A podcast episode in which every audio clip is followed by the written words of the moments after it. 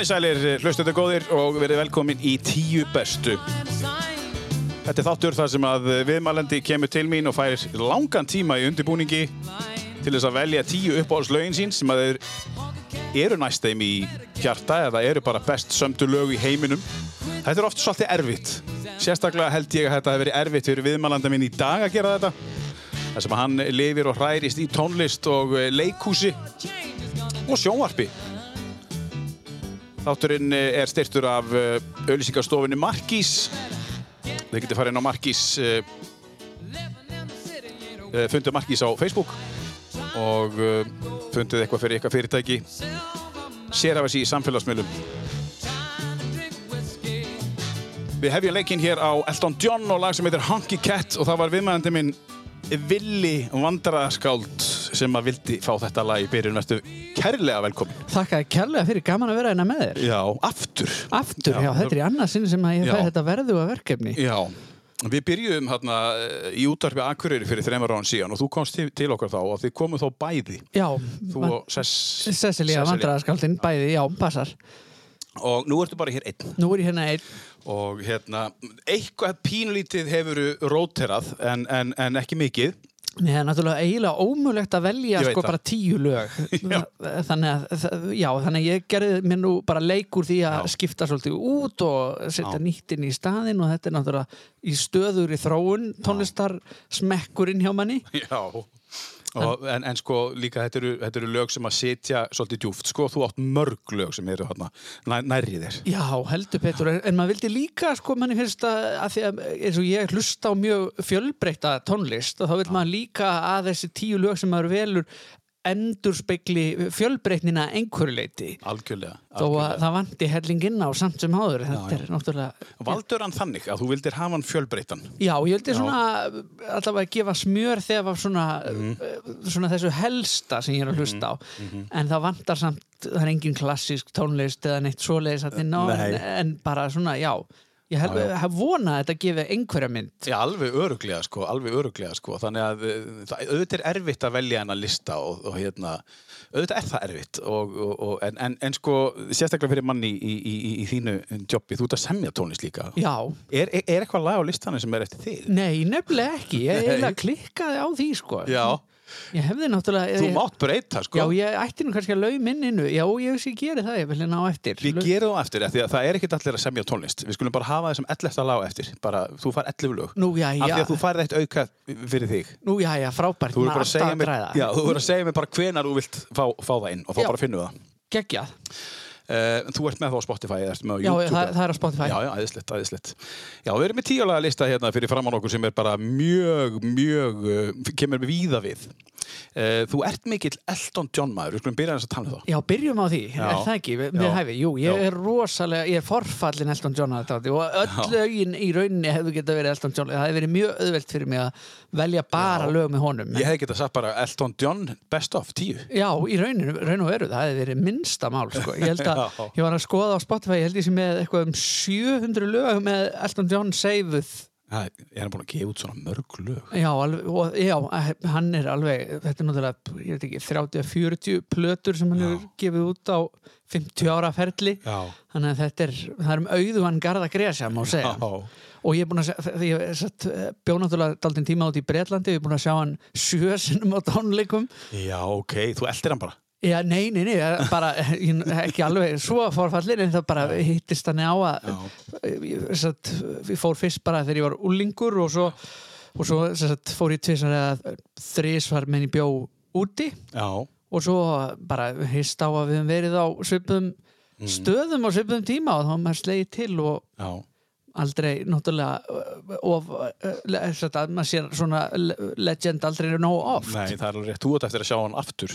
gett alveg verið, hann er náttúrulega á svona farewell tour núna Nú, hann er á farewell tour. Já, hann, en hann á held í tvö ár eftir að hafa farewell túrnum þannig að það Já. er ekkert orðið á sig Aha fór á farewell tour árið 2009 Já. og þeir eru ennþá að spila þannig að Já, ég segi það, ég þetta lið hættir aldrei, sko. þeir sögðu bless í desember árið 2009 þegar ég bjóði til Nóri Já. takk kjallaði fyrir fór okkar átak og, og þeir hafa aldrei stoppað Nei, ég ein, meina Sálans Jónsson sem er búin að halda lokaböll hérna bara í sjallanum, ég veit ekki hvað oft ég hann náttúrulega búið að halda, halda æði mörg lokaböll í sjálfarum, sko. En, nei, einmitt, og það talaði um að ég held að verið sér eða einhver sem er búin að vera á, einmitt, feruveld síðan bara 90 og eitthvað snemma og þetta er bara, þetta er tegjanlegt hugtak, þetta Já, farewell, þetta sko. er það sko en uh, þú hlustar mikið á tónlist hvernig hlustar á tónlist? Ertu, ertu vínilmaður? sko, það er fátt sem toppar vínil finnst mér að það, það er bara svo hlýtt Mm. Já. og notalegt að skella vínilplötu á, á, á fónin ég, hins vegar oftast er ég maður einhver staðar með bara síman og, og Spotify Mm. í dag myndi ég segja, þú veist að Já, já, og þú veist, ég, man, neytir tónlistar líka við svo mismunandi tækifæri sko, þegar maður er að hlaupa eða, og, eða, og, og, það, það er náttúrulega endur spekla líka hva, veist, sko, tónlistarvalið hverju sinni, þú veist, hvað maður er að gera er maður bara heima að chilla eða er maður að djöblast einhver, Já. eitthvað, einhver staðar úti Hvað hlustar á þú ert að æfa? Ég, mér finnst það eiginlega nöðsynlegt að hafa eitthvað smá tempó Já, ef ég er að hlaupa og svona. Ég, ég, til dæmis, ég veit að margir hlusta á, á, á podcast og svona meðan þeir eru að hlaupa. Mér, ég verði eiginlega að hafa eitthvað beat. Já. ég hlusta á podcast og svona þegar ég er út að lappa já, en ef ég er að ef það er eitthvað svona hjartslátturinn fyrir eitthvað aðeins upp þá verður það að vera tempó í stíl. Já, já þú eru að hafa þetta í stíl, já. Já, já, mér finnst það mikilvægt. Og hvað er það þá sem fer í eirun erum við að tala um danstónlist eða erum við að tala um eitthvað gamalt með Hauki Mortens eða það er bara allt mögulegt. Disco eða? Sko ég, ég skipti, ég reyna að búa mig til sko svona hlaupa á æfingaplaylista svona einu sinni mánuði cirka Já, já, og, og þá bara kjúreita ég það í hvert skipti bara eftir hvernig stuði ég er í. Já, blanda af gömlu og nýju og bara það, því sem er dettur í hug. Já, þú bara þú velur lögin fyrirfram að kjúa þau bara og Já. svo ferði, og svo ferði ræktina Já, já, það er sniðut mm þegar Þannig hvernig að- búa til einhver playlist þá velur bara lög og kjú, kjú, kjú, kjú, kjú. Já, já. Og ég gerir náttúrulega playlista stundum Já, líka já. sem ég grípi ef ég hef ekki tíma til þess að gera hitt en annars er mér gaman að vera ekki alltaf að hlusta á það sama. Nei, nei, já, það er frábært. En eins og ég segi, við erum hérna við erum hérna með tíulega lista sem er, sem er svolítið, og, svolítið út um allt. Já, hann er, svo- hann er mjög út um En allt við langar að spurja því þegar maður, maður horfir á listan hérna, uh, Vili, þi- ertu svona núvitundamaður? Ertu mikill svona þú, þú, þú, mikill hugsuður? Þú, þú þér tíma spá í hlutina og Já, ég, ég held að líka bara í, eh, algjörlega, kannski mest svona út frá þeim- sem bara listamaður og svona þá er maður alltaf að pæla bara í, því, í tilverunni og öðru fólki og, Já. og því sem maður er að gera sjálfur og, og hugsunum manns og, Já. og þá er svo mikilvægt að vera alltaf að hugsa í- í- út fyrir sig og inn í sig líka Já, akkurat og þannig að ég, ég er alltaf að pæla í einhverju mm. En þegar þú ert, eh, þú veist, bara einn þú er bara ert, eh, með, notalega stund svona, dagurinn er að klárast. Já, Ertu þá með tónlist eða ertu að gera eitthvað allt annað? Já, ég er yfirleitt með einhverja tónlist. Annarkvort er ég að hlusta á eitthvað Já. og þá yfirleitt kannski svona í rólir kantinum eða eitthvað svona sem að hjálpar manni að fara inn á dæmis einhver, það vantar til dæmis á þennan lista sem ég var með síðast Sam Cook vinn Já, minn sem ég finnst alveg indislegur Já, svona kvöldinn og, og þannig, en svo enda ég reyndar oft daginn bara sjálfur við píanóið heima já, að mér já. finnst það rosalega mikil kyrði í því að og þá er ég ekki endilega að semja eitthvað heldur bara að spila einhverja tónlist oft, oft eftir aðra sem ég finnst Mm. Já. og það gefur manni svo mikla kyrð og frið En Nú hefur píanóin alltaf verið til í, í fleiri hundru ár og, og í kringum klassika, tíanbili og allt þetta. Menn voru alltaf að vinna við að spila píanó og gera enn í dag. já, Samt er svona kannski fólk í, í, í, í mjög svona hröðu þjóðfélagi eins og það er orðið í dag þá er þetta kannski fara að flokkast sem einhvers konar núvitundaræfing. já ég, það, er, þetta góð punktur já, ég hugsa að það er alveg flokkað þannig Já, af því að, þú veist, allt sem maður gerir til þess að leggja síman frá sér og gera eitthvað alltaf, það er bara orðið núvitund. Bara, þetta er náttúrulega, þetta er pínu galið. Það, það er það, það er ótrúleitt og ekki, á ekki lengri tíma líka, Nei. þessi þróun hefur orðið svo undur rætt Já, einmitt, akkurat. Að maður þarf ekki að fara nema bara, ég veit ekki 15 ára eftir Já, í tíman og já, það er bara allt önnur veröld. Já, eða bara, þú veist, hvenær kom Facebook, það var 2009 eða 2008 já, já, hugsa, þetta er 12, rúmur 13 ár. áratugur. Já, já, rúmur áratugur þá bara, þú veist, við finnum svolítið mikið fyrir þessu. Þú, sko, þú, þú ert þú ert gömulsál já, já, já, Það er, er það ekki? jú, jú, jú, sem er bara frábært. Já, algjörlega, og hefur verið bara eiginlega svo gamall frá því að ég var lítið barn Já, það er sko. svoleiðis. Já, já, Já, ok Það voru aldrei kallaði villi gamli nei, Nei. gamli góði villi eins og borgarstjórinn í Reykjavík var Já, þannig á gamli. tímabili Akkurat Herri, við ætlum, að, við ætlum að fara yfir í margt í dag í þessu, þessu fína viðtali. Við ætlum að byrja á listaninum Já. og þá ætlum við að bara byrja á þínum uppáðs tónlistamanni. Segðu okkur aðeins frá þessu lægi hér. Já, eh, Eldon, þetta er Eldon, þetta er af plötu eh, með Eldon sem heitir, var svona sjálfsæfisuguleg, Já. kom út 1975 og heitir Captain Fantastic and the Brown Dirt Cowboy og Eldon er,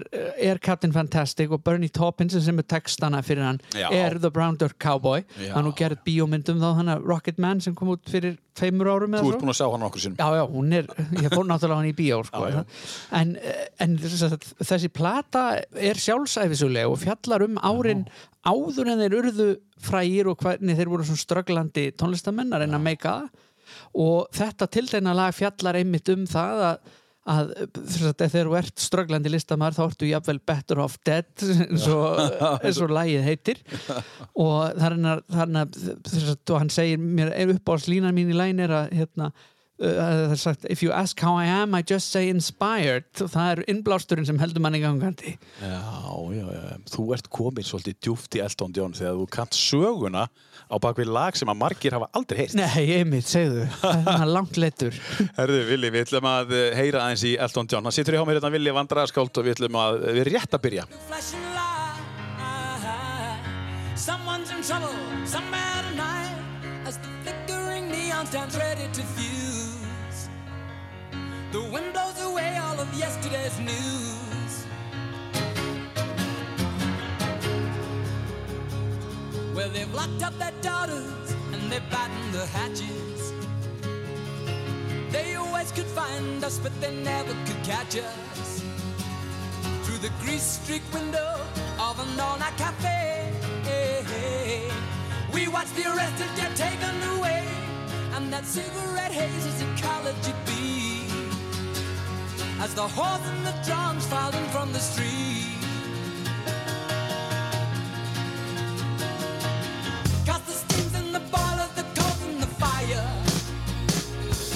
Það skrýði að hugsa til þess, Vili, að hann hafa ekki verið án stór þarna því þetta eru hörkur lag. Já, hann var, hann var orðin stór sko þegar platan kom út Já. en, en hún fjallar um árin áður ég skil, ég skil, já, ég skil, Hann var um alveg árin, í rauninni á hápunkti fyrir sinns þegar þessi plata Já, já. kemur út Þetta er fyrsta platan í sögu Billboard-listan sem að debuteraði í fyrsta sæti Já, bara fyrsta platan. Já. Debutur í fyrsta því. Já, sem kemur bara, já, var orðin vinsalsta platan áður en hún kom út í raun og Áður veru. hún kom út, já.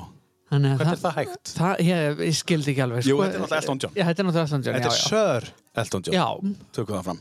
Al- algjörlega sko og hann er nefnilega, hann er mér áhugavert með Eldon að sko að því hann hefur aldrei verið neitt sérstaklega svona cool sko ekki eins og, ekki eins og ég finna Bowie eða uh, svoleiðis listamenn. Bono og... Já, já, eða þú veist, en það finna er nefnilega með Eldon að sko, ég held að hann varði í rauninu of stór til að geta verið cool, að hann til dæmis hefur selt miklu fleiri plötur heldur en Bowie og hann er held ég á eftir Elvis Presley bara mest uh, seldi sólólistamaður í sögunni. Já, þá erum við að tala um 100 og miljón platna. Já, 350 miljón plötur sem að maðurinn hefur selt.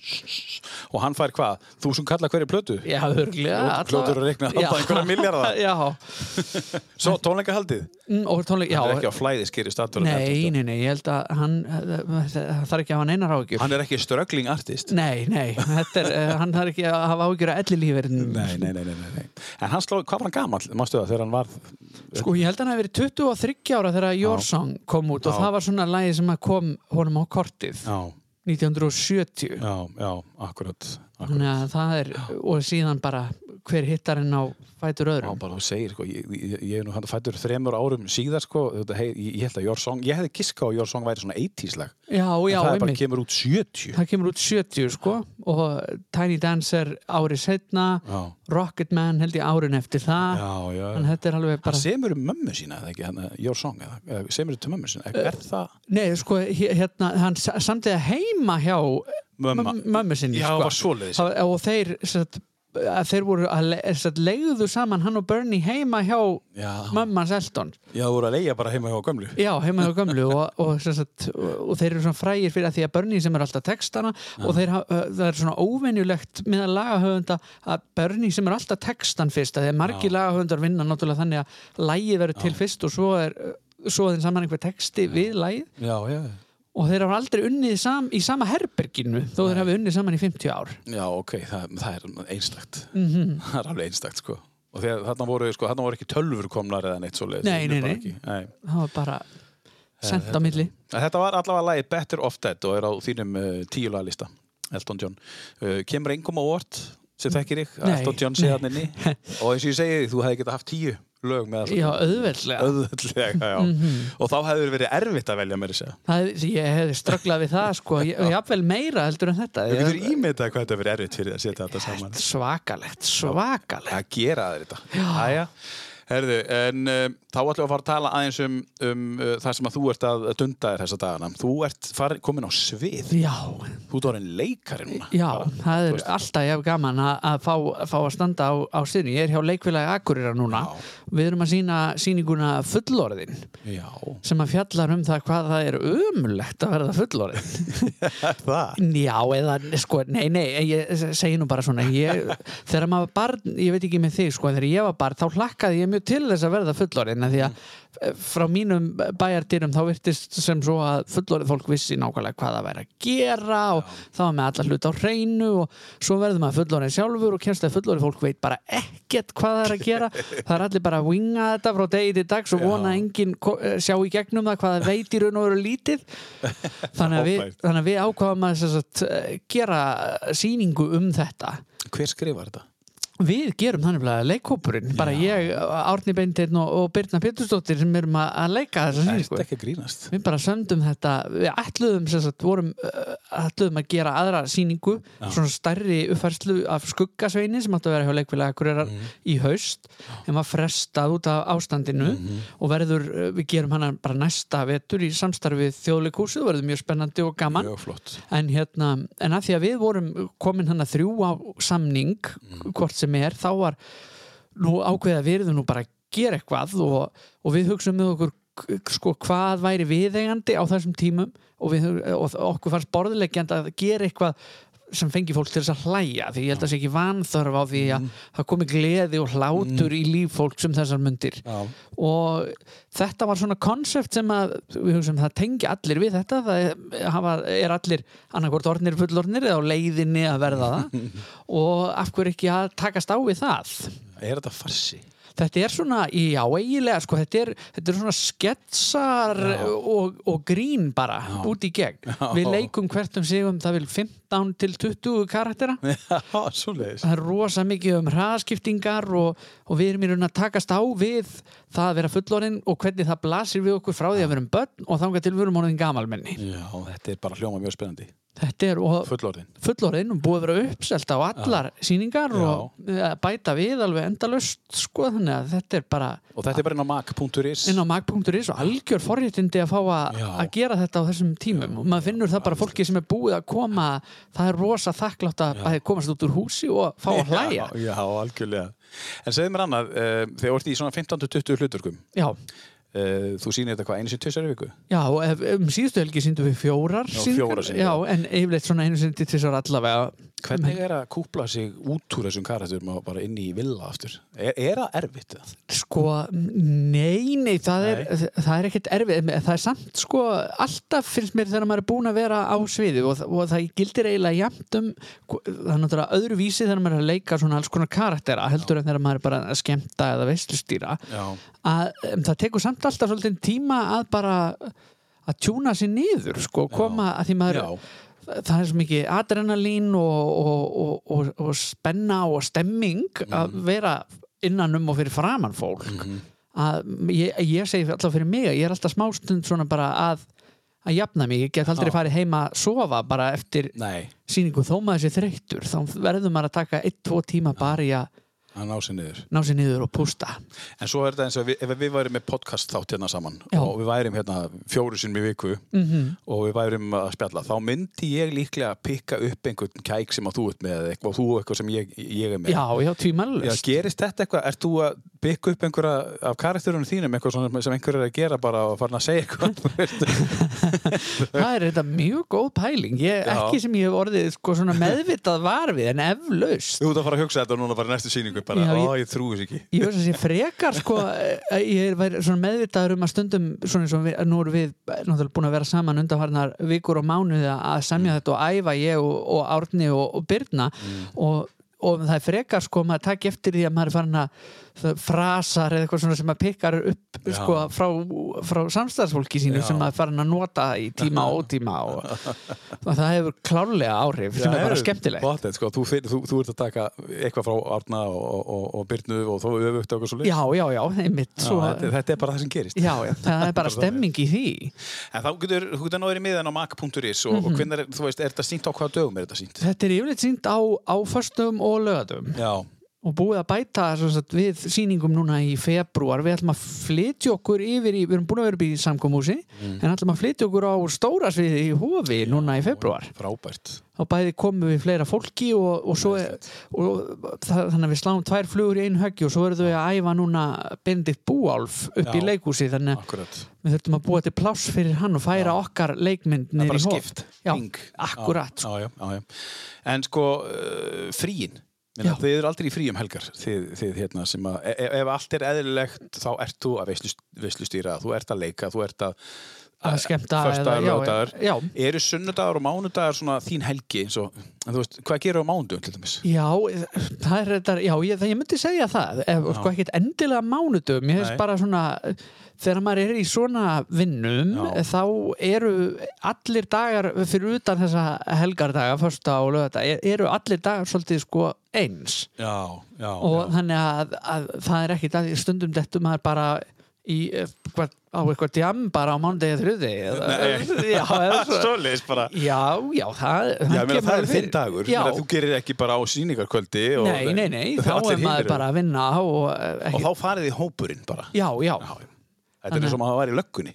Maður fór alltaf á vaktaskiptum á þriðudögum eitthvað út með strákonum af því að maður var alltaf að vinna um helgar. Já, ná, nákvæmlega. Þetta er bara, þetta er bara sama prinsip. Herðu, fullorinn sínt í uh, hérna, leik, ja, þetta er að færi, færast yfir í hof núna í februar og bara um að gera ná sér í miðan á mag.is þið búið að vera uppselt hinga til þannig að náðu ykkur endurlega í miða. Við ætlum að fara í næsta lag, Vili. Um, Það ætlum að fara í Jesse Winchester. Þetta fyr- er alveg undur fallegt lag. Þetta er lag sem ég uppgötaði mér er svo gaman þegar ég uppgötaði svona fjársjóði Já. sem kannski fáir og ég valdi þetta af því að ég hafði aldrei heyrt um þennan mann. Þetta er kanadískur mann og dáinn fyrir einhverjum örfáum árum en ég sá hann uh, performera Elvis Costello var með uh, sjónvastætti Já, þar sem hann var svona, fekk trúbadóra og hinn á þessa til þess að koma og, og spila. Og þessi maður kom hann í þátt til hans og spilaði þetta lag sem við ætlum að heyra brot úr. Og það voru bara allir grátandi í, í salnum. Og hann er með svo fallega rödd. Og þetta lag fjallar um hvaða þýðingu tónlist getur haft fyrir mann og okkur öll? Já, það er ekkert annað. En þetta er svolítið skemmtilegu titill. Já, Shama Ling Dong Ding. Já, Shabba Ling Dong Ding. Já, hljómar ekki eins og sem er fallet en þetta er ótrúlega fallet lag. Þú maður að heyra hérna í Jesse Winchester lag sem heitir uh, Shamaling Dong Ding. Þetta er á tíu laga listan mann sem vilja You were ten and seventeen. Oh, how could I forget when every star from near and far was watching from above, watching two teenagers fall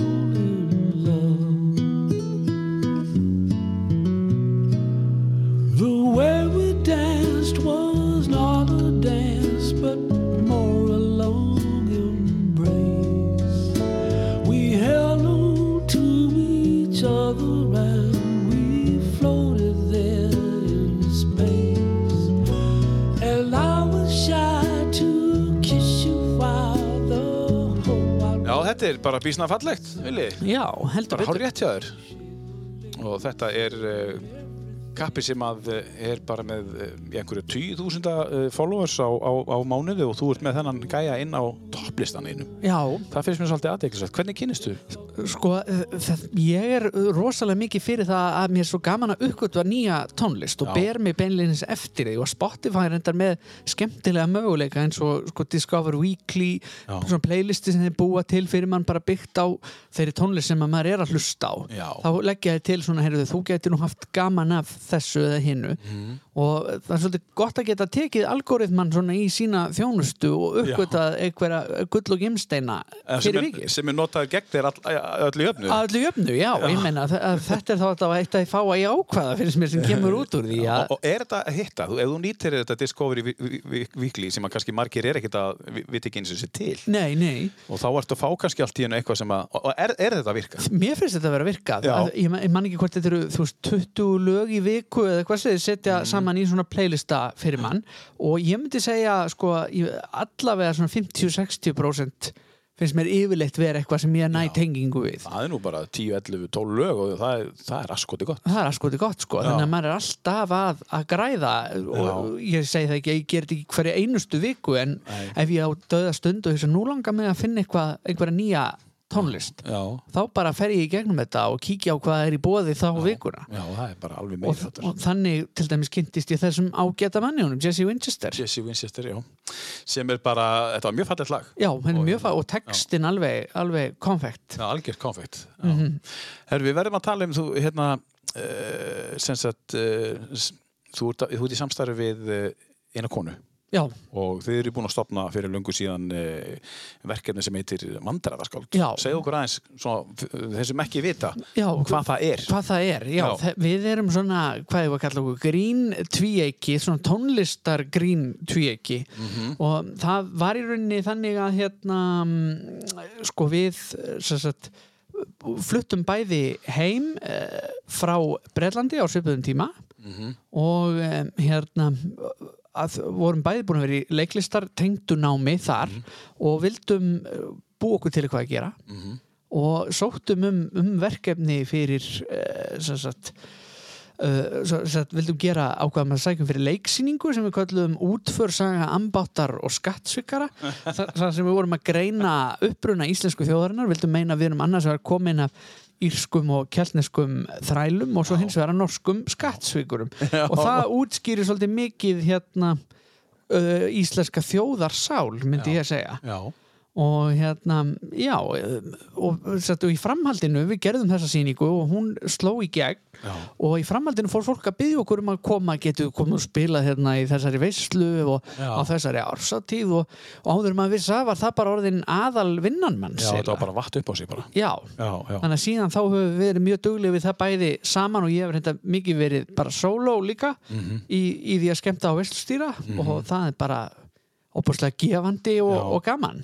Á hverju ári þá, þá hérna, semmiði svona áramótalag Já, passar og, það er alveg bísna skemmtilegt Já, þakkaði fyrir Hva, það hvar getur fólk skoða þetta og náði þetta? Sko, við erum náttúrulega með Facebook Já. síðu Já. og þar eru nú svona flest lögin okkar sem eru á, á YouTube líka Mhm. svo reyndar, sko þetta var fymta árið í röða sem við gerum svona áramóta Já, gerið upp árið að gerum upp árið og, og það var reynda mjög skemmtilegt að í ár vorum við beðin um að vera eh, satt, loka atrið í frétta annálnum Já. á rúf. Já, já, já, þannig að við slóum botnin í hann rétt áður en að skaupið byrjaði það hefur nú verið skref áfram það heldur, já, heldur betur Þannig og, ertu nú með einhverja hlustun og áhorf. Já, bara allir setti fyrir fram á sjónvarpið. Mér skilst það að það hafi verið sko 60% áhorf eh, sagt, bara í gegnum hefðbundin viðtæki, þá er ekki talið allir sem streymdu. Nei, sem sagt, 60% þjóðarinnar pluss allir sem voru að streyma. Þetta er bara með 200 úrs manns bara. já,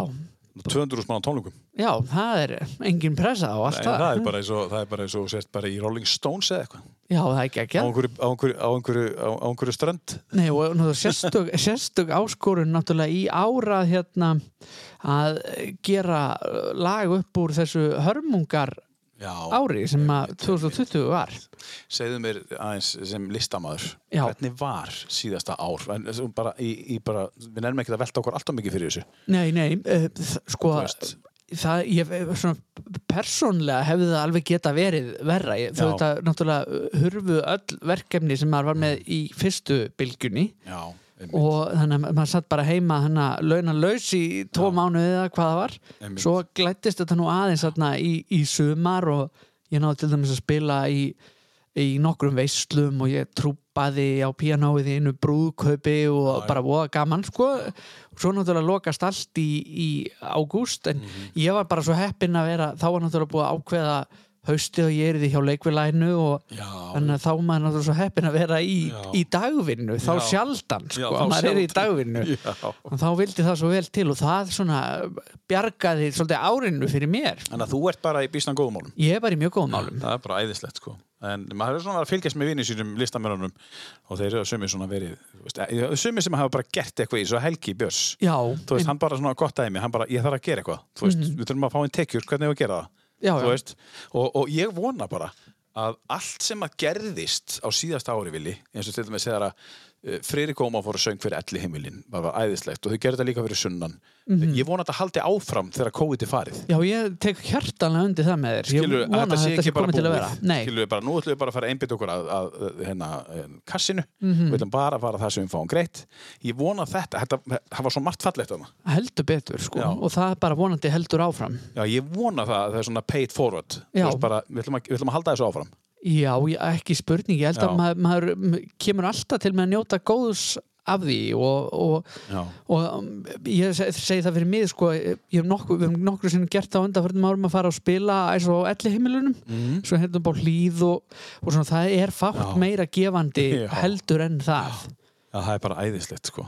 Og þannig að ég og ég líka að þetta við svona kent uh, bara uh, okkur sem þjóð og, og, og fólki að að meta sko hvaða listin er dýrmætt, það komast ekki á tónleika og Já. það kennir okkur bara hvað þetta er stór þáttur af tilveru okkar allra. Já, menning og listir maður. Já, við myndum ekki vilja vera án þess. Ekki séns, bara ekki séns þetta er bara, ok, hvað er framöndan hjá uh, andrarskáldu núna á næstunni? Er eitthvað á döfunni? það er alltaf einhver verkefni, við vorum að klára núna, sagt, núna í vikunni. Við áttum að vera að spila í, í Reykjavík á, á ammæli uh, Vaffer Mm. Satt, í næstu, næstu viku nei, í þessar viku í þess, og, en hérna svo náttúrulega augljóst að það var ekki hægt að halda þann fögnuð eins og til stóð. Þannig að við sagt, vorum fengið til að semja bara svona ammælislag fyrir Vaffer sem við tókum svo bara upp sem Já. myndband sem verður svo eh, þau munu setja á, á vefinn hjá sér. Þetta er svolítið eitthvað sem að þið myndi ég segja hafa byrjað á að því að, þú veist, fyrir svona fimm árum síðan þegar þið byrjuðu að taka upp vídeo og, og spila þau á hverjum ákveðnum tímum mm -hmm. ég ætlum að gefa þetta út núna á áramótanum já, það voru ekkert, svo, svo, svo í kjölfari kom einhver föstudagslög inn á Facebook og eitthvað svona skiluru Ætli það hafi ekki verið eitthvað sem þið triggerðu var eitthvað, gæti alveg verið ég, það, var, var voða lítið um þetta Já, sko, hér á. Íslandi, hér á sko. Íslandi sko, Já. nei, akkurat það, ég var ekki búin að pæla í því þannig en jú, ég veist að það geti alveg verið til í því Já. sko, af því að Ég- svo eru það fastir, fastir liðir sí, já, hjá mörgum sko. já hvenær byrði ég að semja? Þetta er svona eins og, og áramótasköpi sem ég tæki þannig áramótalagið áramótalagi, já sko, það byrjaði, við náttúrulega vorum bæði svona hvort í sínu lagi búin að vera að semja tónlist í dálítinn tíma Mhm. þegar við ákveðum að hefja þetta samstarf og svo sagt uh, eftir að við byrjum uh, gerum þessa sýningu í þessari uh, leiksýningu út, útför sem ambatar og skattsvikar þá var lag um lánasjóð íslenska námsmanna. Línlagið og, og hérna, við settum það á netið ákvaðum bara sem svona auglýsingu fyrir sýninguna. Já, og það óvart varð svona bara hálf væral að að bara á, á viku eða eitthvað var það komið með 60-70 þúsund áhorf vá. og hérna og náði bara svona svona flugi Já. og þá komist við á bragðið með það hérna að setja hluti á, á netið Hva, hva, ef ég myndi að leita á YouTube hvað, hverju er að leita á? uh, uh, sagt, hvaða Já, þetta, þetta, þetta vídeo sem þú ert að segja núna Já, línlægi, Sem- sem- gamla Já, Já, það er örugglega bara efsta, ef þú skrifa vandrarskáld þá er það örugglega efsta sem kemur upp er það ekki bara hana? Já, hérna, Jú, jú. við leiðum og aðeins hérna, hérna Þetta er orðið gammal maður. Já. Þegar mentaskóla lauk heiminn vildi sjá En býtu, þetta er 2016, þetta eru fimm ár síðan. Já. Þannig erum við byrjað á þessu, sko. Já. sérðu. Lækjum Og þetta er svolítið svona ádeila á lín eða? Já, já, Já. þetta er svona, Svona- Uh, við reyndum að taka það saman sko uh, hérna típisku reynslu íslensk uh, námsmanns af því að eiga viðskipti við þennan sjóð það enda náttúrulega þú ert að selja úr þér líffæri og ég veit ekki hvað og hvað til þess að, bara geta borgað lánið tilbaka Já, þetta er bara skemmtilegt. Þetta er um að gera, kíkja á þetta inn á, inn á, inn á Spotify. Eh, Þið fletti bara upp vandraraskáld og þá kemur þetta efst. Mhm. En aftur í eh, listaðinn, að- nú ætlum við að fyrir eitthvað íslenskt. Íslenskt, já Er þetta uppáhalds íslenska hljónstuðin? uh, ný, Nýdönsk Já. sko, hún er alveg, hún er alveg upp þér þeir, þeir eru frábærir sko. Já. um, ég get svo sem ekki gert upp á milli, það er margar hljómsveitir sem ég heldur rosalega mikið upp á. Ég er með spilverk þjóðana þetta inni líka Já, og, á listanum og, Mm, en mér finnst nýtönsk alveg frábærir. Mhm. og mörg lög í uppáhaldi og ég ætti mjög erfitt með að velja bara eitthvað eitt. En ég valdi þetta, ég er grínast mjög mikið með þetta lagstundum þegar ég er að, er að skemmta. Já. Að því að í viðlæginu þá segir Björn Jörundur vil einhver skýr út hvað er að gerast hvað er að eiga sér stað sem ég held að sé eitthvað sem Björn Jörundur upplifur mjög oft Hann, bara, hann er, já, Já, já, þetta er virkilega gott. en, hérna, en þetta lag er í miklu uppáhaldi á mér Sökutólkur Óskast, þetta er lag nummer þrjú af uh, tíu laga listans. Hjá mér sitið Villi Vandraraskáld.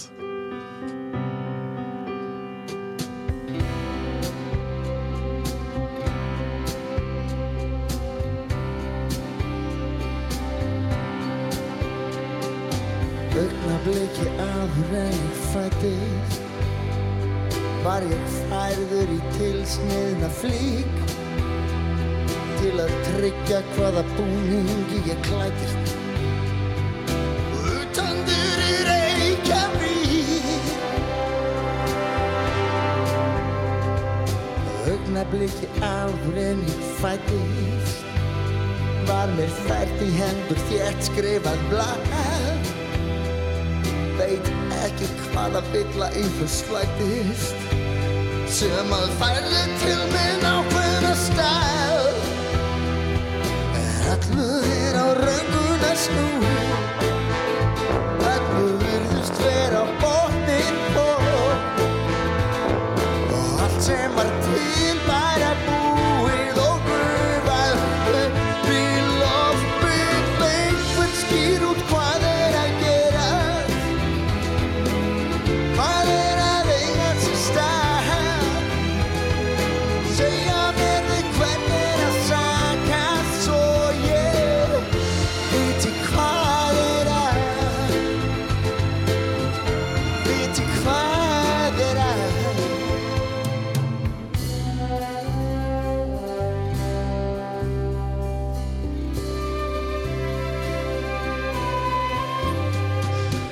hérna er uh, Björn Jörgur að spyrja, getur einhver mér hvað er að gerast?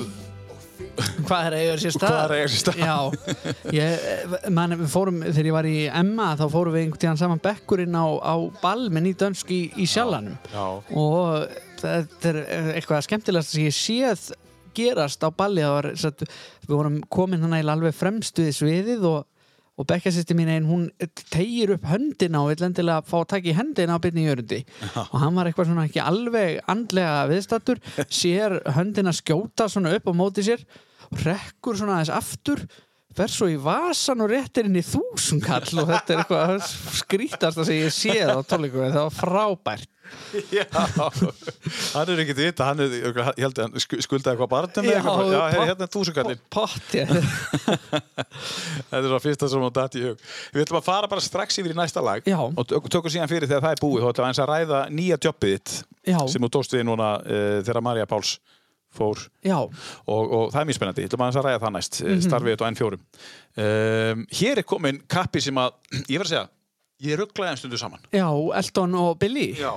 Ég skil það alveg og það er margir í þeim Já. pakka Báðir pianomenn, náttúrulega þó að Já. Billy Joel eigi pianoman lagið Einmitt, einmitt, einmitt. og sé kannski frægastur fyrir það hann er, margir, mörgum finnst hann vera svona ameríski Já, Elton já, en hann, þeir eru samt daldi ólíkir Já, þeir eru sko, það, sko. þó þeir eigi sum, eh, sko Billy er alveg klálega undir tölverðum áhrifum frá Elton alveg bóttið, sko. Og þeir náttúrulega líka sko tímabili túruðu saman. Já, og með bara tvö píano á sviðinu og, og voru, voru svona perlu, perlu vinir svo slettist aðeins upp á þann vinskap. Af hverju gerist það svona oft í þessu bransa? sko í, Það slettist. í því tilveki þá náttúrulega því að Eldon eh, er búin að vera edru í 20, eh, tæp 30 ár held ég núna örgulega 30 ár að hérna, en Billy var ennþá að drekka svolítið mikið sko og Eldon er með, held ég með pínu svona messiasar komplex og er að reyna að hjálpa öllum og ömmum þeirra og, og var kannski svolítið vókal í því hvað hún finnist að Billy ætti ekki að gera og hvað hann ætti að gera og, og ég held að Billy hafi bara ekkert fílað það rosalega vel að, að hann var að tala um það í fjölmiðlum hvað hún finnist að, hann, að vinur sinn ætti að gera í sínum málum. Nei, já, það er rétt, það er rétt. en ég hins vegar fór var út í New York uh, 2018 og fór á tónleika með Billy á Madison Square Garden. Hann er eiginlega hættur en hann að túra sko Billy en hann heldur eh, fyrir COVID allavega Já. held eh, tónleika einu sinni í mánuði á Madison Square Garden alltaf uppselt Á miðin kostaði 40, úst. já, kostaði, já, já, ég held að það kostaði 20.000 allavega einmitt. og, og hann er náttúrulega bara svona þjóð hetja í New York, hann er bara svona New York royalty. Og dáður og elskaður og svona alvöru New Yorker. E einhvern tímann las ég einhver staðar að hann var í komið svo mikið ógeða píanumann, hann spilar ekki á tónleikum. Hann bara Já, segir, ég spilaði ekki, nenni ekki. helst ekki sko, hann Já. tók það reyndar sem alveg upp, uppklapp, setna uppklapp. Þá tók já, hann það já. og svo fór hann að sviðinu Já, var ok, ég skal taka þetta lag. en hann er reyndar, ég hef aldrei séð það sem hann gerði á þessum tónleikum, ég hef aldrei séð það fyrir það síðar á tónleikum að hann let áhörundur kjósa hans milli laga, sko, hann sagði nú ætlaðum við að spila annarkvort þetta lag eða þetta og, og við spilum það sem fær meira klapp og hitt spilum við ekki og það bara á tónleikunum og það voru oft einhverjir hittarar sko. En sko, er það ekki bara þannig að hann á alltaf mörg lög? Jú. Hann getur ekki spila öll að þá var hann bara að spila í 5 klukkutíma. já, já Hann þarf að, hann spilaði samt í tvo tíma sko, eitthvað, en það var samt alveg, hann let til dæmis kjósa sagt, ég held síðast þegar ég var hjá þér þá var ég með annað Billy Joel lag. Vienna, Vienna, sem ég held, op, held í uppáhalds Billy Joel Já. en þá let hann kjósa sko milli þess og hérna. Uh, Just the way you are ég, og Vienna sigraði Nú, þó að- Vienna sigraði. svo, þó að Just the way you are hefði verið stærri hittari á sínum tíma Já. þannig að þetta er En svolítið svo, svo er hann svo sniður, hann segir bara, "Þið- völdu þetta bara. já, Þess vegna já, já, spilaði ég ekki hérna, Just the way you are. Já, Þetta er bara ykkur að, ykkur að kenna Það er öskra þakka. hærra. já, já, akkurat, eftir hvernig á það er litið og þá var bara, ah, ég veit af hverju Just the way you are ekki spila, það er því að ég öskra ekki nóg hátt. Mhm. Og, Bill, og Billy fyrir bara sáttur heim. algjörlega, þetta er sniður Þetta er snuðt. Herri, segja okkur hvað það heitir. þetta er Moving Out, Anthony Song Moving Out, Anthony Song af, af blöttunni, stóru blöttunni hans The Stranger. Þetta er flott. geggja Hlustum aðeins á Billy.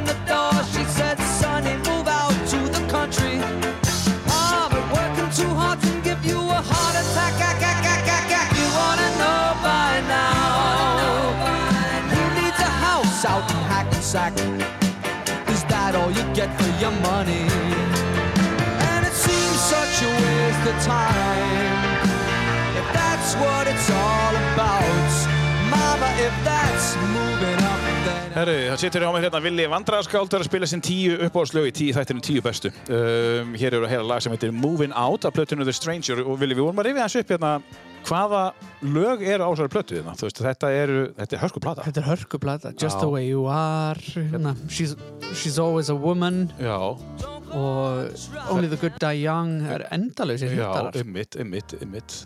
She's always a woman, Þetta þekki allir og elska. Já, Ómar Ragnarsson einhver sem gerir íslenskan texta en íslenska konan? Jú, íslenska konan, já, sem Já. Pálmi Gunnarsöng. Já, akkurat. Uh, og Vienna náttúrulega upp, það, er, það er þitt upp á slag með honum. Já, þetta er svo fallegt. Þetta er talandi að því vorum að tala um svona núvítund og hugsa að þetta lag sem predikar það beinlinis, taktu þér tíma því að sko Vienna býður eftir já, já. Segir hann sko að hérna þú getur ekki gert allt sem þú, nærið aldrei að klára allt. Nei, og taktu þér tíma og mundu það bara að Vienna já, er að býða já, frábær texti. Mm en þetta er bara geggjuð plata sko. Heldur betur sko. Og, og hérna, svo er líka lag hérna sem að kannski sumir þekkja sem þetta Scenes from an Ita Italian Restaurant. Já, Titillin titillin sko. Já. Þetta er æðislegt. Já, já, þetta er svona Þetta er Billy Joel allavega, þú ert mikill Billy maður líka, Já, heyri já, já, og, og hérna, uh, þú sér kannski meiri Elton John maður, en, en, en það er allt í lagi líka. Það er allt í lagi sko, þetta er bara best í bland Þetta er best í bland, sko. Herðu, N4, um, Já. föstudagsþátturinn. Já, Ég, ég verð að segja til hamingju með þetta jobb, þetta Þakka þér fyrir. spennandi mjög svo og stendur í mjög vel í þessu starfi. Þakkaði fyrir það. Það er gaman að prófa eitthvað svona nýtt sko. Já. Ég, þau hérna, þegar Maja Páls Marja ákvað að hætta þetta síðastliði haust, þá Mm. Já. höfðu þau samband við mig frá N4 og ég Þú bara, fjast símtal. ég fekk símtal. Þú sko. sóttist ekkert eftir, þú fjast bara símtal. Ég fekk bara símtal og, og ég svona fór á fjörurnar við mig hvort ég væri til í að- að skoða þetta. Mér leist bara mjög vel á það. Ég vildi svona gera smá breytingar á, á þættir mér bara uh, skipta, ég vildi fá svona meiri kvöldstemmingu Já, í, já. í þáttin bara sem bara svona uh, lýsingarmál Já. Og, og svoleiði sko sem var ekkert mála, fórum í samstarfi Exton með það þeir voru ekki lengi að. Rigga því upp. Svo fyrstu píjana þetta á og, já, já, já, og, og það var hitt málið sko, ég vildi hafa, geta gripið í það svona þó ég geri það ekki í hverjum þætti að þá svona finnst mér gott að ef það er eitthvað svona, eh, mér finnst vanta það því að þetta er náttúrulega eh, bara verið að taka á, á því sem er að gerast Já. Hverju sinni að, að ef það væri eitthvað svona mitt eitt í huga semjum eitthvað sem er að gerast Já. í vikunni að, að þá gæti ég Já, þegar þú gerir það. Já, já, Já. af því að þessi þættir eru ekki hugsaðir sko, f- fólk horfir ekki á þetta eftir tíu ár Nei. hérna, þannig að þetta er snýst um það sem er í gangi nú, current Já, sko. og maður vil hafa það þannig En hérna, uh, er, ertu stundum með tónlistaratri? Uh, Já, Hendur þá á píanói, bara fyrir, spilar með það? Eh, Eða hjálpar þeim eitthvað? það, það hefur komið fyrir það til dæmis gerðist um daginn eh, talandi um Eldon og eitthvað, það voru, voru uh, f- mjög flinkar tónlistarkonur úr, úr Hrafnagilsskóla sem ætlu að koma og, og, og flytja Your Song eftir Eldon Já. svo gerðist það á sinni stundu að söngkonan forfallaðist Mm. og hinnar voru komnar Já. í hús og þá eh, spurði pródúsentin mig bara viljið þú nú sem ekki Eldon að það er þú ekki til í að syngja þetta, bara með þeim borðleikjandi, sko. og ég er náttúrulega bara stökk út í djúpu laun Þú gast ekki sagt nei. ég gæti ekki sagt nei, það voru komnar Já. og maður bara ómullet og svo ég bara baði um að myndavelin væri meira á þeim ég ætlaði ekki að fara að gera láta þetta snúast um mig á neitt nátt sko. já, já, og þetta var æðislega flott hjá þeim Já, pí- þær spiluðu piano og, og cello já, ægilega flinkar og bara gaman já, bara aðeinslegt. Gott tónlistastar í Rafningaskóla. já, virkilega bara virkilega gott, sko. Mhm. og, og ég held að þessi skilda ennþá að eitthvað, að þú þarfst að velja rétt hljóðfæri í uh, þessi hluta náminu. já, það er Já, frábært og, og það er náttúrulega bara, fyrir utan það, þeir eru náttúrulega með besta mötunit í, í, í, á landinu. já, það er þannig Já. já, já, Þeir hafa fengið velum fyrir það. já magna Frábær skóli. En það er náttúrulega forréttindi, ég held að sko, það er ekkit hotlara fyrir, en það er eitthvað sem þú býrða alla æfi ef þú lærir á hljóðfæri því að þó að þú nýtir það svo kannski ekki, þá er þetta bara svona svolítið svo hjóla, það, þú dustar bara rikið af því og það Einmitt. upp. Svo var líka kennararna sem ég fekk núna íslensku mentavelunin Já, einmitt, já, jú, jú, jú. og hérna, hún, hún, að svæði. Mm og hérna, kannski pínu litaður kona mín er hérna frá svæði, svæði en Já, já, Uh, tengdamóðum ég vinnur í skólanum. En þetta er samt góður skóli. ég reyndar, reyndar hef verið að vinna með skólanum uh, með krökkunum í skólanum sjálfur hann að ég, get, ég tala reynslu. Já, já, já. Herðu, uh, og þú þið líka vel í þessu nýja, nýja jobbi, Já, þetta er bara mjög skemmtilegt og, og bara góð svona hliðar því að sko það tekur nú ekki nema svona 2-3 tíma í hverju viku að taka upp þáttinn mm. og, og ég, mínar skildur eru bara svona að, að taka viðtölinn og, og hérna og ef mitt eftir eitthvað sniðut í huga þá get ég gert það. Þú hann- ert ekki að ringja og segja, við getur komið, getur Nei, komið. nei, ég nefnilega sé ekki um það. Ég mæti bara, ég er í svona algjöru forréttinda stöðu hvað það var, sko. ég mæti bara og, og, og í upptöku eira. Og þú veist, þessa milli er ég alveg stikk frýr þannig að, og þátturinn er tekin upp á, á modnana sko, þannig að, Já, að þetta einmitt. þvælist mjög lítið fyrir öðru sem ég er að gera. Já, það er alveg æðislegt sko. Já, Þú ert ekkert á leiðin í burtu þannig Nei, nei, Nei, nei, nei. Uh, Föstastátturinn á N4 uh, alltaf klukkan 5 á föstu klukkan átta núna. Nú er klukkan 8 núna, já, Já. Klukkan 8 á föstu og svo er hann síndur bara uh, er, já, endur síndur eitthvað aðeins, já, Já, erum að gera kíkja á N4 þetta er inn á, þetta er inn á hérna, já, inn á þessum myndleiklum Mhm. Herru, næsta lag uh, Já, Ég er svolítið spenntu fyrir þessu hérna lagi. Já, þú þetta, er, þetta er mikill mestari, þetta er annar píanómaður, þetta er Randy Newman sem að flestir þekkja nú sem mannin sem samti You Got a Friend in Me Mhm. hérna úr Toy Story og, og, og rosa mikið af Disney-lögum, hann hefur samið mjög mikið fyrir bíómyndir, Já, tónlist og lög. Já, og náttúrulega með mjög svona auðþekkjanlega rödd, ég held nú alltaf að hann væri svartur sko fyrst Já. þegar ég heyrði hann syngja já, en hann er bara svona hérna, Svo samt hann fyrir ing líka já, já, já, Já. hann er samið fyrir mjög margar myndir sem fólk þekkir Svo og kvikmyndaskáld eða? Já, í Já. setni því, hann Já, reyndi fyrir sér sem svona singer-songwriter sko in the 70s en Já. hafði ekki erindi sem erfiði beinlinis þó að séu nokkrir svona hittara sem hann átti. Nei, Þetta lag er nú ekkert mjög, þetta er af nýjustu plötunan sem að maður heyri samt svona stílir mikið af strengjum já, og, þetta er síðan 2017 já, og þetta mér finnst þetta svo fallegt að hann er svo ánægð með kona sína, hún Já. valdi hann. She Já. chose me. Uh, þó hann sé lít út eins og froskur í manni hvað hann segir í, í textanum. En þetta er rosa fallegt lag miklu Já. uppáhaldi. Herðu, þetta, er- við, skulum, við skulum heyra þetta fallega lag hér. Þetta lag heitir She Chose Me, Randy Newman. I know how I look, what I know about life comes out of a book. But of all of the people there are in the world, she chose me.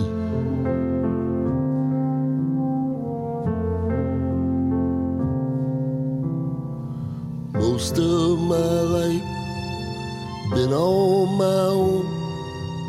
Whatever I did, I did it alone. And then she came along. Now I'm not alone.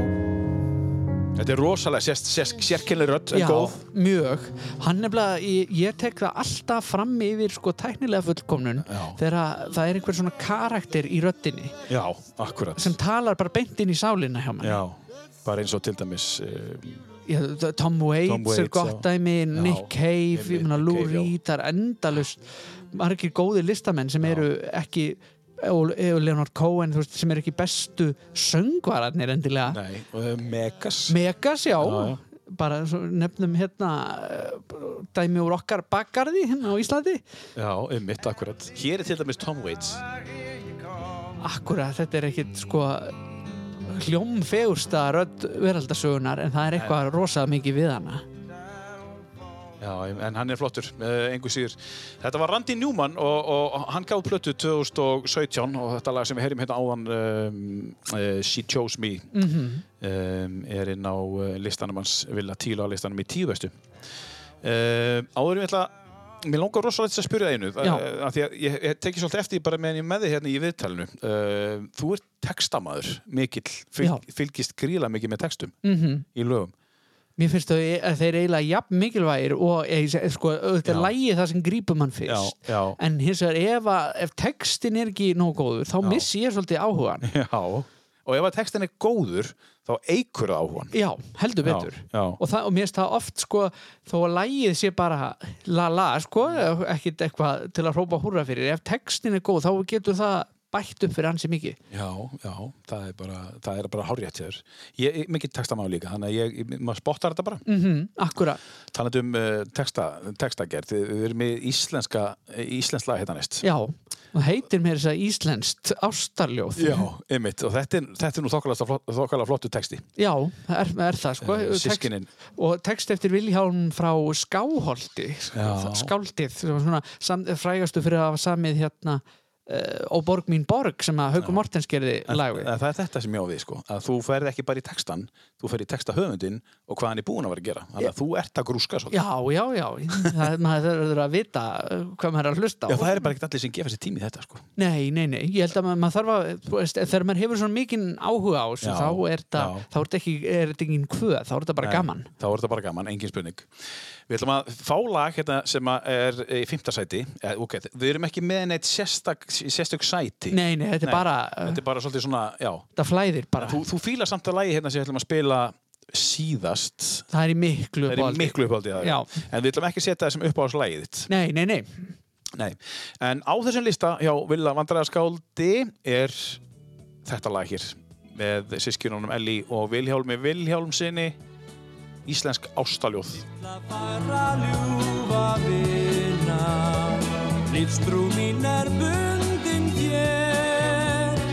Sjáðu hvernig sólinn brosi Sigur glöði þér og mér. Allt sem ég um væfi mína. Unnið hef í ljóð og dóm. Verður hist með hjartalina Hefur glimt að elska fró Í augum þínum unast bláu Augunum sem ljóma best. Sé ég landið litla vína Landið sem ég elska mest. Litla fara ljúfa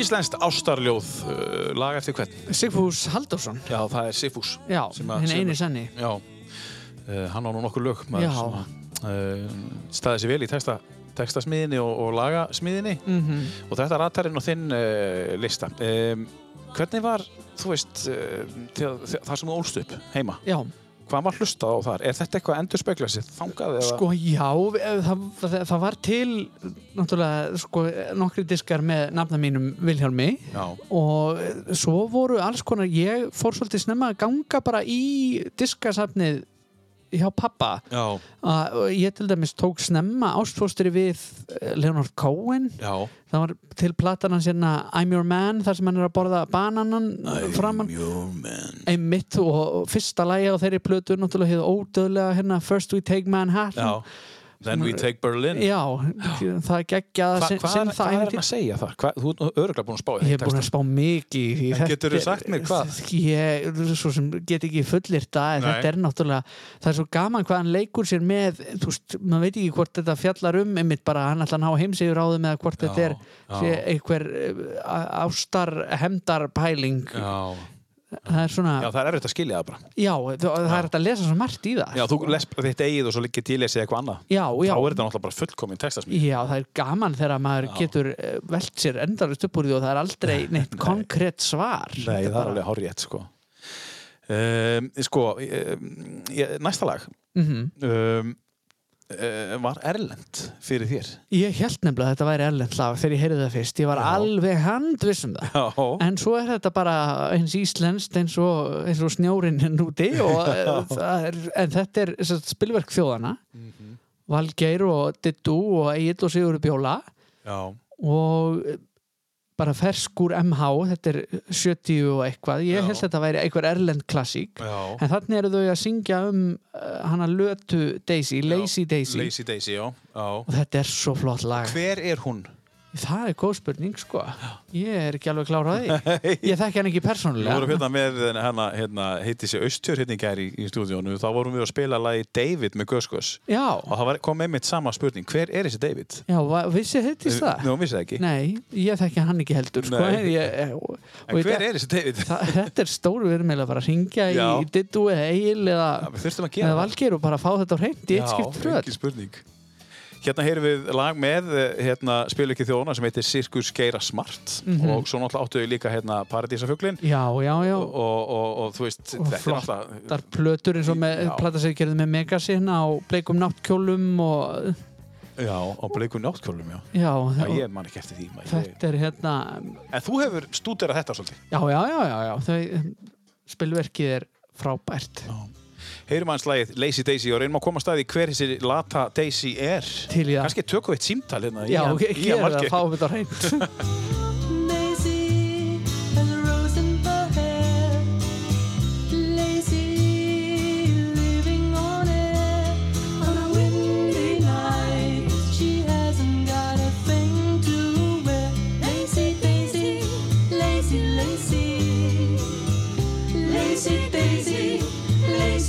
lazy,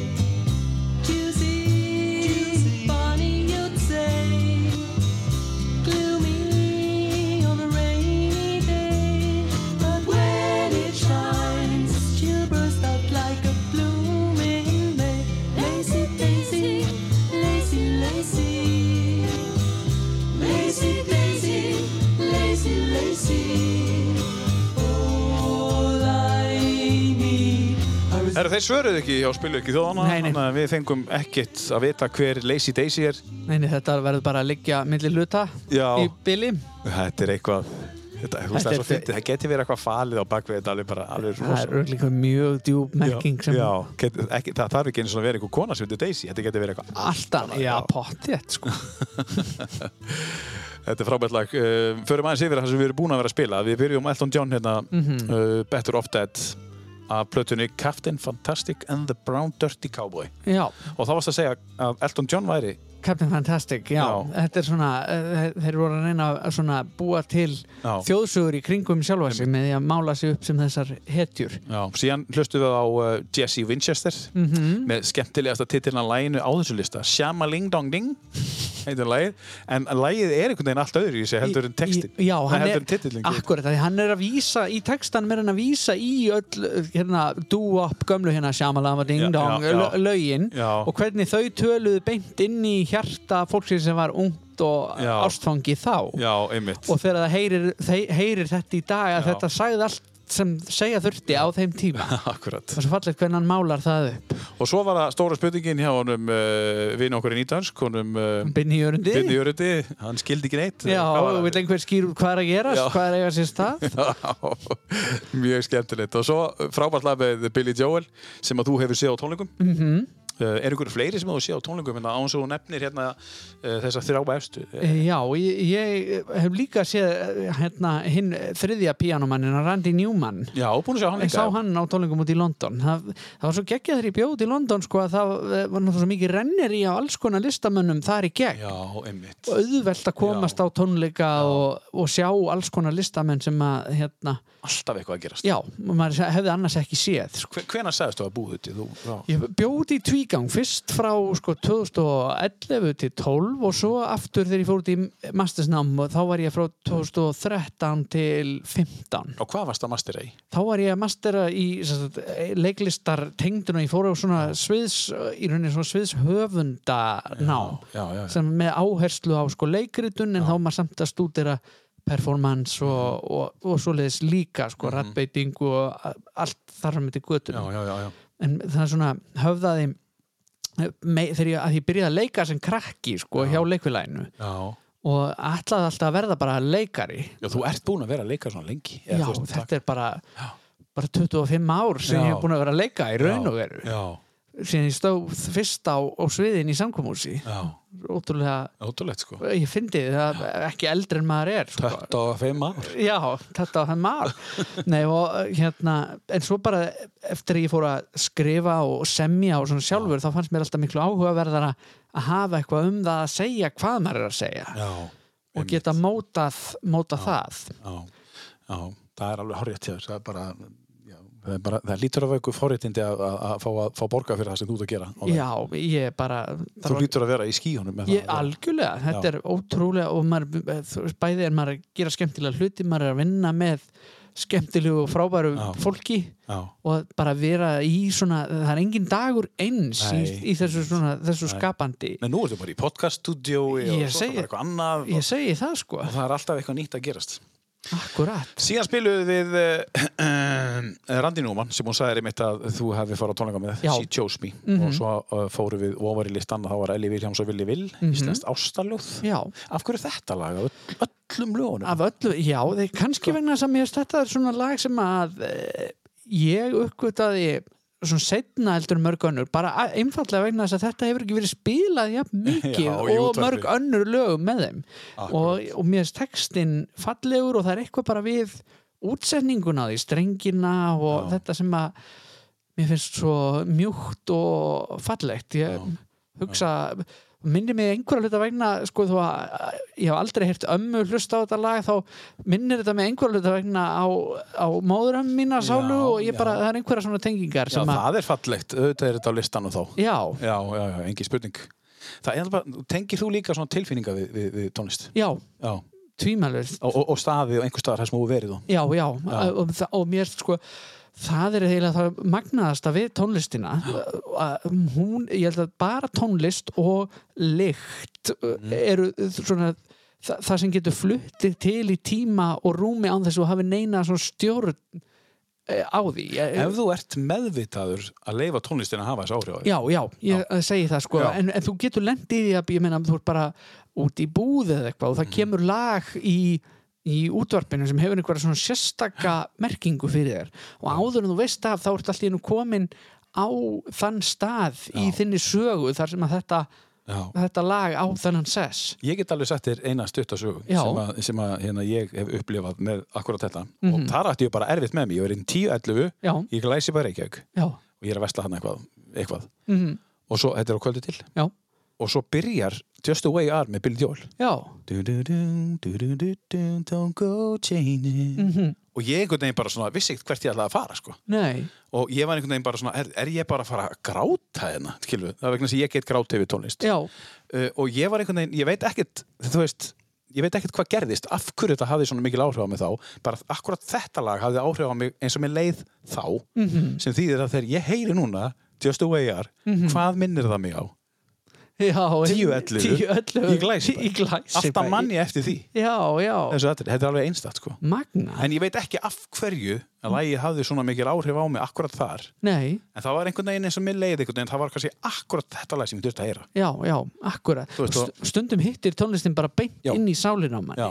og það var einmitt þetta sem ég, ég hleypin að sko. Já, þú veist, ég leifin að koma. Já, já, einmitt, það, það er alveg hárið eftir maður þarf að vera opinn fyrir því. Já, já, já, við fórum á fórægnis ég og frúinn og, og hérna, svo, svo kemur hérna, eh, hérna upp á slæmum fórægnis mm -hmm. og þegar að byrja bara og ég bara þá fór ég bara fell að tár. Og hann horfið bara á mig, þú veist en þá var ég bara svo ánar að vera á staðnum. Mhm. Ég var svo, svo gladur að fá að vera á staðnum og hlusta á þetta live. Já, já, já, það var það sem ég var að gráti yfir sko. bara vá, ég trú ekki að ég sé svona heppin þannig að ég hleypi tónlistin alveg bara beint inn í hjarta sko. algjörlega, og ég get meira þess að talað með því að senda lög hvernig mér líður. Hlusta á lagi, hlusta á textan þá Mhm. bara ok, ég skilði núna. Já, já, já, bara- nei, algjörlega. Ég, ég, ég tengi mjög við það. Já, það minnst þetta alveg aðeinslegt sko. En nóg um það um, lánum við þrjú Já, þá, uh, nú fyrir við aftur til útlanda. Þetta er Supertramp og lagi Goodbye Stranger. Þetta Já. er lag sem á sérstakann sess í, hjarta mínu. við ætlum að heyra aðeins í, í þessu lagi og svo ætlum við að fá að vita hvaða sessa það er eða í hjartanuðinu It was an early morning yesterday. I was up before the dawn. And I really have enjoyed my stay. But I must be moving on. Like a king without a castle, like a queen without a throne. I'm an early morning lover, and I must be moving on. Yeah. Now I believe in what you say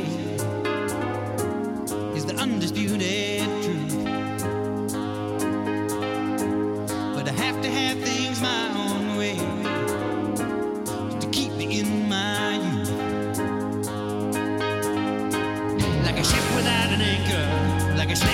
Frábært lag með uh, Supertramp Goodbye Stranger. Þetta á einhvern sérstakann sess í hjarta hans Villa Vandræðaskál sem sittur á mótum mér, er að Já. spila tíu laga listan hans. Getur þú sagt okkur hvað það er? Því, já, sko, í, þetta, er, þetta lag, ég satt, heyrði það fyrst bara í útvarpinu mitt, þetta riff sem hljómar undir hérna núna, þetta piano, Wurlitzer piano riff, sem bara talaði beint inn í sálina mín og ég, að því að ég nota tónlist líka, sko, þegar ég er að skrifa og, og semja og hérna, og þetta lag varð eiginlega, ég var að skrifa leikrit á þessum tíma og hérna þetta lag varð uh, bara svona, ég notaði þetta lag t- til þess að koma mér inn í uh, heim með leikritin skulum við segja, þannig að í, í nokkra mánuði menn ég var að vinna þetta leikrit þá hérna var þetta uh, hækjan mín? En er þetta þá svona lagið sem að kemur í gang?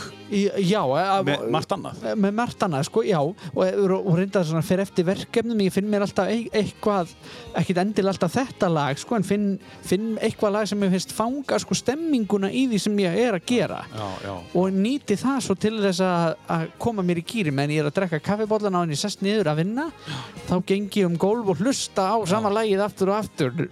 Og svo þegar þú heyrir þetta lag eftir fimm ár, þá kannski manstu eftir þessu. þessu, já, og tengi, Tengi við þetta, sko. og þar að leiðandi á þetta svona sérstakann sess í hjartamanns Er þetta kallmaður sem er að syngja hérna, hérna Háur, já? Roger Hodgson Roger er, Hodgson. ég er alveg miður mín nefnilega, tveir frændur mínir fóru hann kom og held tónleika á Broadway fyrir kannski 10 eða 15 árum Mhm.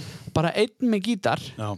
og piano Tók öruglega þetta lag. tók þe- þetta lag og er bara held í öllu þeir nefnilega voru tveir söngvararnir í Supertramp og svo splittaði bandið upp þeim sinnaðist eitthvað og þeir eru búin að vera túra síðan sko hvori í sínu lagi og taka bara öll lögin Já.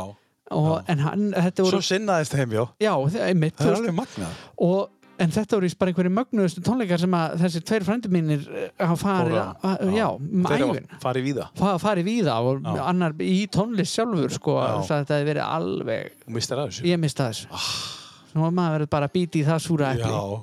Ferðu oft suður, svona sækjur í tónleika suður, það er bara sérstaka ferð. Það kemur alveg fyrir sko. Já, svo er, já. er maður alveg töluvert svona í venjulegu árferði þá hérna þá er, er ég alveg aldrei mikið ofta að gigga í Reykjavík og svona Já, líka sko. Já, já, Þannig að grípur þetta á sama tíma. þá grýp maður þetta á saman tíma Já. kannski framlengir um dag eða Já. eitthvað eftir hvernig stendur á Ef að fólk veit ekki hverjir Supertramp eru, þá eru það þessi hérna kappar. Hérna er lag sem þetta með skúter endur tók. Já. Mér finnst þetta betur útgáfa. já, já, já, ég, sammála ég, En sammála. ég hef samt dansað við skúterútgáfana já, já, í einhverju allt öðru sér gýr þá. já, já, það er svona önnur stemming Önnur í því stemming sko. Svo voru við með þetta hérna líka Give a little bit. já, það, fólk kannast nú orðlega við þetta Já. Og Goodbye Stranger sem við erum á hann. Og, og svo nefndir eitthvað annan lag líka á hann. hérna It's Raining Again Já, og It's raining again. Já, ég mitt Mhm. akkurat. þeir eiga mörg lögneflega sem fólk þekkir Já, æðislegt. Herðu, uh, tökum þetta hérna. Af því að þetta er svo skemmtilegu texti, hérna, nei, titill. já, Þú varst þetta með titill sem heitir Shamaling Dong Ding já, þetta er Og- og næst er- besti titill sinna á, á, sko. á listanum Já, en hver er Brenton Woods? Sko, hann, eh, ég held hann sé nú á lífi, ég held ég að vera að stúdera þann dag, ég þekki ekkert mikið til hans, en ég uppgötaði, þetta er svona dæmi um lag sem ég heyrði í, ég held ég að er annarkvort í bíómyndi að sjónvast þetta, ég bara man það ekki í svipin uh, og, og þetta lag bara hitti beint í, með, það var eitthvað svo feel good en uh, já, hitti mig bara beint í sálina, sko Já. og það heitir þessum furðulega titli Ugum Bugum Song Ugum Bugum Song. Já, en þetta er, er, þetta er sko, já, ég uppgötta þetta lag bara fyrir tveimur eða þreimur árum síðan Já. en þetta er svo fílgút og skemmtilegt það er ekki gæ- annað hægt en að elska. Þetta er gæði sem gaf út plötu 1967, hann er fættur 40 og eitthvað. f- eða eitthvað, Já. Þetta er, þetta er, þetta, er flott. þetta er flott Heyrum aðeins í hérna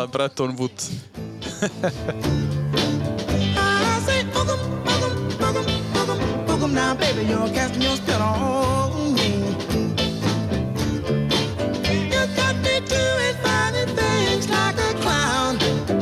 just look at me. When you wear your high heel boots with your hip hugger suit, it's alright. You're out of sight. And you wear that cute mini skirt with your brother's sloppy shirt. I admit it, girl, that I can't dig it. Then I said, boogum, boogum, boogum, boogum, boogum. Now, baby, you're catching your spell on me. Þetta er svona old school, gamaldags, svona, hvað algjörlega kallar maður þetta? Þetta er svona, þetta er svona, það er svona sál í þessu sál, já, þetta er sál, Já, soul að- music. Já, og það er hérna og í rauninni, sko, ég hefði náttúrulega getað valið endalust Mm. inn á listan Sam Cooke, vinnur okkar, hefði getað verið þarna eða Já. Ray Charles með eitthvað eins og Hallelujah, I just love her so Já, það er verið hægt að velja einmitt. endalust en þetta er, Einmitt. en þetta er feel good en samt, einmitt, Já, sál já. Hérna stærsta lagi en Sam Cooke. Það, er það Bring It On Home, eða Bring It Home? það er náttúrulega með þeim stærri sko ég er rosa Wonderful World hérna What a Já. wonderful world it could be. Þetta, þetta er, var þetta ekki á síðasta listanum þínu? Þetta, uh, en var það annað? ég held ég að verið með hérna You Send Me Já, You Send Me, já. Já, ég held ég að verið með það. passar, já. Uh, Þú póstlagðir mig eins og ég Já, vildi já, já, þú það. póstlagðir mig. Þetta er Sam Cooke, gott fólk, og, og er, hann er miklu uppáhaldi. Eh, inn á þennan lista kom í staðinn núna, því hann kom mín uh, fyrir tveimur án síðan, hann vilja líka inn á útvarp Akkurru, þau voru með hann að þáttar. Uh, uh, en í staðinn núna kom Brent, Don Wood Brenton Wood með, með lagið Ugum Bugum Já, Ugum Song. Þýlikur titill sko. Herðu, en er, þú ert, að, þú, ert að, þú ert að kasta mörgum boltum. Já. Þú vilt hafa nóg að gera. Mhm. Þú ert að uh, hugsa um heilsuna.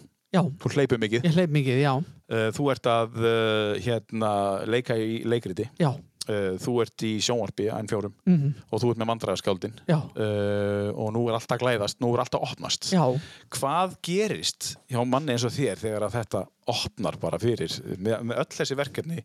Allar að taka annað, ertu, ertu búin að gera framlengja við ella, ella eða ertu að taka eitthvað annað Sko, í haust? eða? við, við ætlum náttúrulega upprunlega planið var náttúrulega að gera þessa skuggasveins uppfæslu og ég ætla að vera í, í henni satt, hérna, verð með tónlistina og að vera að leika svona minni hlutverk. Ok, og að því að Marta Nordal leikustjóri er með alveg magna pælingu með sko með skuggasvein að setja hérna hann upp sem spagetti vestra.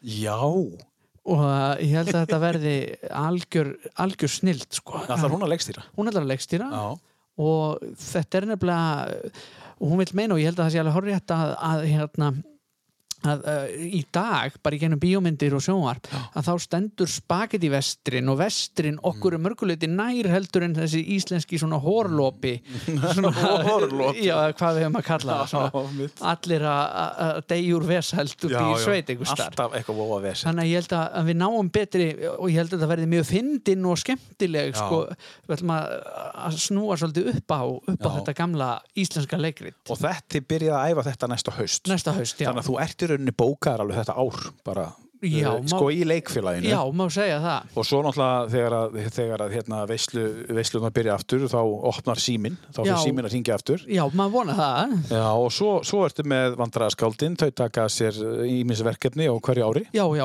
og ótrúlega, verið ótrúlega mikið að gera í rauninni hjá vandræðaskáldum bara við að sem, semja svona, Já. fólk hefur eh, svona kveikt á því mögulega út af áramóta lögunum og svona verið að fá okkur til að semja lög fyrir hinn ymsu Mhm. tilefni Og svo enn fjóri, það heldur áfram. Já, já, Föstastátturinn heldur áfram og heldur áfram að hlaupa. já, En, en sko, hvað er það skemmtilegasta, kannski ekki af þessu, hvað er bara það skemmtilegast sem þú gerir, Vili? Hvað er bara, þarna er ég? Ef þú fær bara að hugsa, ég ætla að fara þangað, ég ætla að vera þarna og ég má fara hvert sem ég er, hver, hvar er ég? Hvað er ég að gera? hvað er ég að gera? Já, hvað er það skemmtilegast sem þú gerir? Það sk- sko, það skemmtilegasta sem ég geri er að vinna Já. að, það er bara Að mæti vinnuna? að mæti vinnuna og ég held að það skemmtilegasta sem ég geri er, þegar, er að standa á sviðinu og, og, og finna gleðina eða Já. að finna, Já. Finna feedbacki frá fólki að, að það er að hitta í mark sem maður er að gera Það er einhver tilfinning, það, það er, er, einhver, já, það er bara það er eitthvað sem engin, það, það, það er eitthvað sem fólk verður að upplifa til þess að skilja. já, það er ekkit sem toppar það Nei. og svo náttúrulega þetta bara að í, uh, sko, að halda matabóð með vinnum sínum og Já. hafa gaman, sko Já, það, sér, sér bara, þú veist, þú veist, eftir COVID, þess er ég að spyrja þig, sko, já, já, að kröfunar minka svo svakalega, það er bara, ég vil halda matabóð með vinið mínum og hitta vinið mína, já, það er það sem ég vil gera. Mm. já, Ég þarf ekki meira. nei. Þannig að við höfum haft kannski pínu gott af þessu sem gerðist á síðasta ári á mörgu leiti já, já, á þess að ég sé eitthvað, þú veist, það er margir sem fóru hrikal illa úr þessu. Ég er alls ekki að, þú veist að uh, úr því, en, en sko en sko, að, að þessu leiti sem við erum að tala um -hmm. að þetta svona jarsetum hann aðeins bara, veist, ok, ég bara, ég ætla að bera bara ég ætla, ég ætla að njóta þess meira þegar ég hitti vini mína. Mhm. og ég ætla að halda matabóð, ég ætla að njóta þess. Það er bara matabóð aftur næstu helgi svona skilur og svo komið þið bara að það kenni mann að vera meira á staðnum. Ég bara, einmitt, meta sín, sín gildi og bara, og kunna meta það sem við höfum. Já, ég held að gildin einmitt sem þú hefur, Mhm. sem þú ert ekki alltaf að minna þig á, þau koma fram já, á svona tímum akkurat, akkurat. Ég er að- ég að hjertanlega sammála því, Já. ég held að við öðlumst miklu skýrari sín á Já. það. á gildin okkar sem Já. eru kannski sem við erum ekki nógu duglega að sækja því við komum alltaf ekki nógu djúft Nei, nei, nei, að því, að því við erum líka bara, við erum svo oft í bara, við erum alltaf að bregðast bara við, við erum alltaf bara þetta gerist, þetta gerist, þetta gerist og við erum ekkert að spá í heldarmyndinni eða Nei, nei, það er bara, við ætla bara að klára þessa viku og svo er maður að klára næstu viku og maður er ekkert að spá í svona að þetta hangir allt saman saman í einhverju stóru samhengi. Á þess vegna sem ég vorum að tala um hérna áðan þá vona ég að allir þessi fallegu hluti sem áttu sér á síðast ári þeir haldi áfram veist, sem að, sem að þið listafólki tóku að eitthvað að gera fyrir bara fólki út í bæ, þú veist, eins og að syngja fyrir það að mæta hinga og fara upp á eins og þú segir upp á líð og spila og, og eitt af skemmtilega sem þú gerir performa fyrir fólkið já, já, þar og hafa haldi bara áfram. Já, að veist bara, ég ætla bara að taka klukkutíma núna og gefa þeim klukkutíma mínum tíma og, og bara gleðja þau Já, algjörlega, við bara, maður veit það, veist, við öll, maður sko, er ekki með það góða tímastjórnun að það er margir klukkutímar í, í vikunni sem fara bara í eitthvað bull já, já, já, já, já. og af hverju ekki að, taka þá einn og einn tíma Já. hér og þar í að Já. gera eitthvað frábært og uppbyggilegt Syngja bara, herru, má ég mæta? Já, nei, við hefum ekki pening, það kostar ekki neitt mm Má ég ekki bara koma? Já, akkurat Æðislegt, þetta verður bara fín lokaorð hérna, Vili, það búið að frábært að hafa því það komið að topp læginu uh, Viltu kannski segja okkur hvað þetta er? Þetta er vinnur okkar hann Morrissey Morrissey eh, sem margir náttúrulega kannski eh, þekkja hann betur sem eh, forsprakka The Smiths Já, og jafnvel öfugt og jafnvel aukt. Mm. einmitt því að hann er búin að vera að- þeim sinnaðist líka eins og í Supertramp að, hérna og hann er búin að vera sóló núna í hvað, 30 ári eða eitthvað svo Já, já. og hérna þetta lag eh, er í miklu uppáhaldi hjá mér. Já, Uh, þetta er af plötun hans Vauxhall and I frá 93 eða 4 ég menn ekki hvort heldur er. Já. en það sem er svo frábært í Morrissey er að hann er sko ja, algjör snillíkur og textarnir hans eru frábærir. Já. og, en, en hérna en hann er samt mjög óhamingjusamur eh, finnst manni sko. Já. en hann, hann svona ímynd gengur samt rosalega mikið út á það hvað hann er óhamingjusamur og hefur alltaf á hornum sér. Að hafa, hafa bara í 40 ár eða já, og, og já, það er svona hans brand getur við sagt Já, sko. svo kannski líður hún bara vel bara, hann gæti alveg trúa því þetta sko. er svona eitthvað presentation hann, hann er svona er, hann er erfiður en það er samt ekki annað hægt en að elska Nei, nei. Hann kom til mín í hérna, fyrsta þáttina, hérna, Þröstur, Ernir og Vikudegi, þá spilaði hann þetta lag hérna með The Smiths, þetta, er- þetta er list- listanum hans, There's a light that never goes out. já, það er æðislegt lag Og hann fíla líka, sko, Morrissey. En þú ert með Morrissey á þínu lista hérna. The more you ignore me, the closer I get. já, og ég er náttúrulega sko að því maður er svolítið mikið í þessum í grín lögum og svona líka, Morrissey er nefnilega Uh, mjög fyndin hann getur verið rosalega fyndin bara, og margir svo sem tólestamenn aðrir mitt eftir hug John Grant er oft mjög sniður til dæmis í, já. í sínum textum sko. Já, en í þessu lagi The more you ignore me, the closer I get þá, þá er sko þetta áeiginlega við um Morrissey bara sjálfan sko, að því meira sem maður reynir að hunsa hann, því meira verður maður var við hann. En, en hann er svo launfyndin Hann er launfyndinn. já, og ég elska það. Herðu, uh, Morrissey, við að ljúka þessu, þessu, þessu lagi, Vili Vandræðaskáld, Vilhjálmur Bergmann Bragason. Bergmann, já, passa eða ekki? Jú. Eh, Hvaðan kemur Bergmannið? Það er eh, satt, frá móður ömminni og pappi og öll sískin hans bera Bergmanns Bergmann, já. já. Allavega, gangi ég vel í öllu sem þú tekur fyrir hendur. Sumleiðis vinnur, takk fyrir bóðið gaman að vera hérna með þér alltaf Alltaf gaman, alltaf gaman að fá þig og bara við minnum á að við erum inn á, eh, inn á eh, Facebookinu, tíu bestu, endilega líka við síðan og þú getur sé hver er að koma, linkarnir af uh, þáttónu fara það líka inn. Og svo getur líka sé þetta inn á psa.is eða podcaststudioakkurar.is psa.is, þetta fyrir allt þar inn. En nú aftur, við ætlum að ljúka þessu á móri segi takk aftur, Willi, Takk fyrir. Takk fyrir að hlusta